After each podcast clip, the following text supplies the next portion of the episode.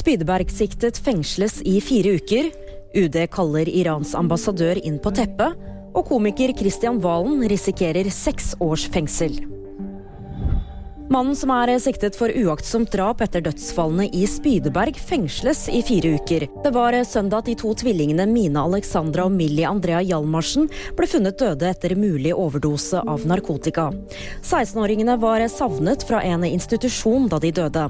Den siktede som er i 20-årene, nekter straffskyld og ba i retten om å bli løslatt. Norge kaller inn Irans ambassadør til møte. Det skjer etter at flere demonstranter har blitt dømt til dødsstraff eller blitt henrettet den siste tiden. I fire måneder så har nemlig demonstranter tatt i gatene i Iran for å protestere mot prestestyret.